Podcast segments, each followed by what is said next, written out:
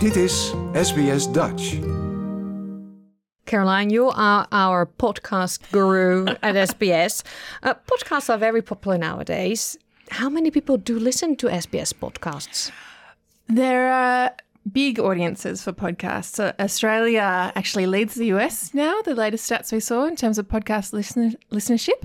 Um, our SBS podcasts get listened to globally by around 4 million downloads each month, which is huge. Wow, indeed, And we produce podcasts in more than 60 languages on a whole lot of different topics. So there's a lot of people coming to us wanting to learn something, be entertained, um, hear the day's news, a whole lot of different reasons why people listen. Yeah, what do you personally like the most about podcasts?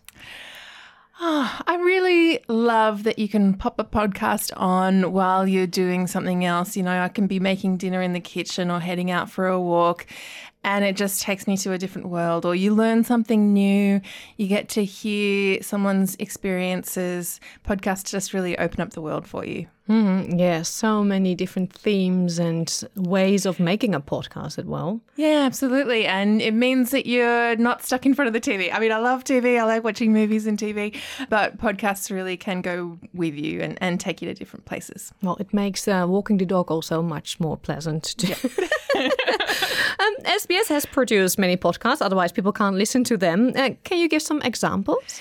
Yeah, we produce a whole lot of different podcasts. Obviously, there's amazing podcasts from SBS Dutch. You guys have a lot of different series. Um, we produce podcasts in English. There's the SBS News podcasts, News in Easy English. Um, they've got News in Depth. There's, they do a bunch of stuff. We've got all of our news and information in, in more than 60 languages. But then some of the podcasts we've been commissioning over the last couple of years, they really cover a whole lot of different topics. There was a beautiful series we released. You can go and listen to it now called My Bilingual Family. It's about the experiences of families in Australia trying to raise kids who speak their mother tongue as well as English and just all the challenges involved in that. Uh, another one there's a really lovely series called New Home that uh, interviews migrant and refugee women who are living in regional Australia in Victoria and just talks to them about, about their experiences of coming to Australia and setting up a new life here, making communities for themselves. Um, so it was really beautiful to hear their experiences. There's one at the moment, super quirky and fun, called The Idiom. It's about language, how we communicate in our kind of multicultural society, um, and those wacky, wonderful phrases, the idioms that we use every day.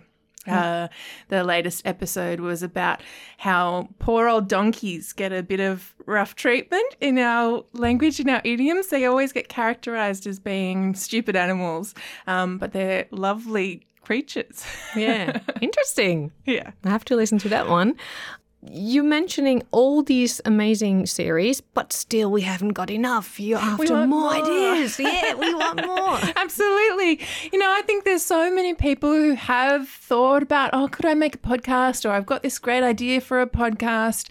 Uh, so that's why once a year we open up our doors and say, hey, you know, if you've got a podcast idea and you think it would be at home on SBS, you know, the home of multicultural, multilingual broadcast services in Australia, then we really want to hear it. Um, so we've got a pitch call out open at the moment. Anyone can apply if you're an Australian resident, if you're over 18.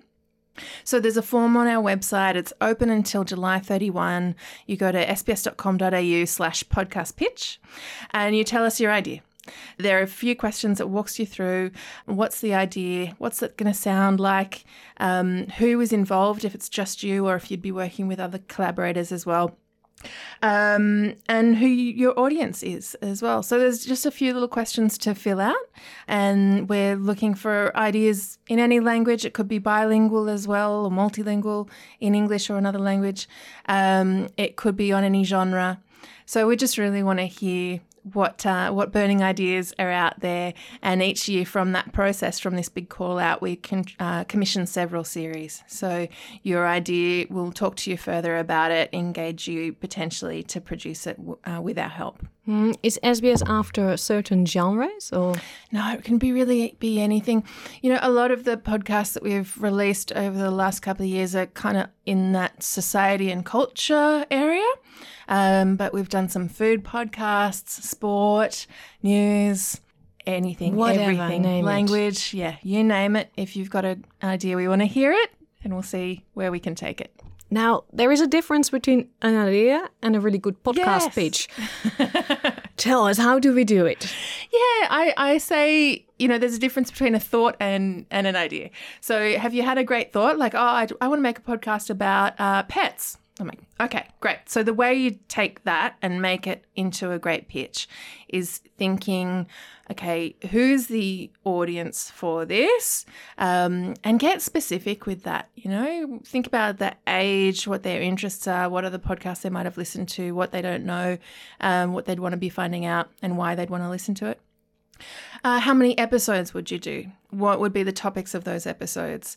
Maybe if you're going to, you know, what your format is. So if, if, if it's an interview podcast, if you're going to talk to different pet experts, this is my terrible idea, you know, uh, then uh, you don't necessarily need to say, here are exactly the people we're going to talk to, but these are the kinds of people that we're going to talk to. And it's going to go for around 20 minutes an episode. And it might take me about two months to produce it all. So that's the way that you start taking an idea and fleshing it out into a pitch. And um, you will make a selection. I mean, not you personally, but SBS will make a selection, I reckon. that'd be nice if I get to make all the decisions? No, uh, that's not how we work. Um, yeah, so we have a range of criteria. We're looking for how well does this serve the SBS Charter? How well will it serve our audiences? Um, does this pitch seem really well thought out?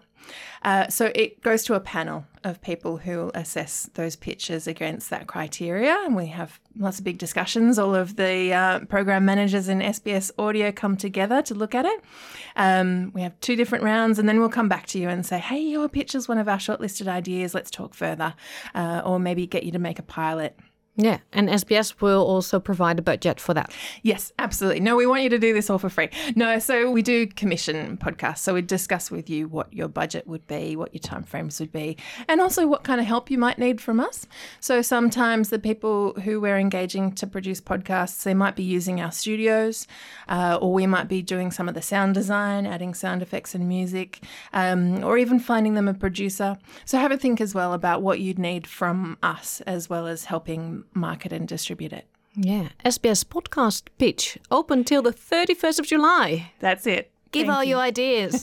Thank you, Caroline. Thank you so much. Like, deel, geef je reactie. Volg SBS Dutch op Facebook.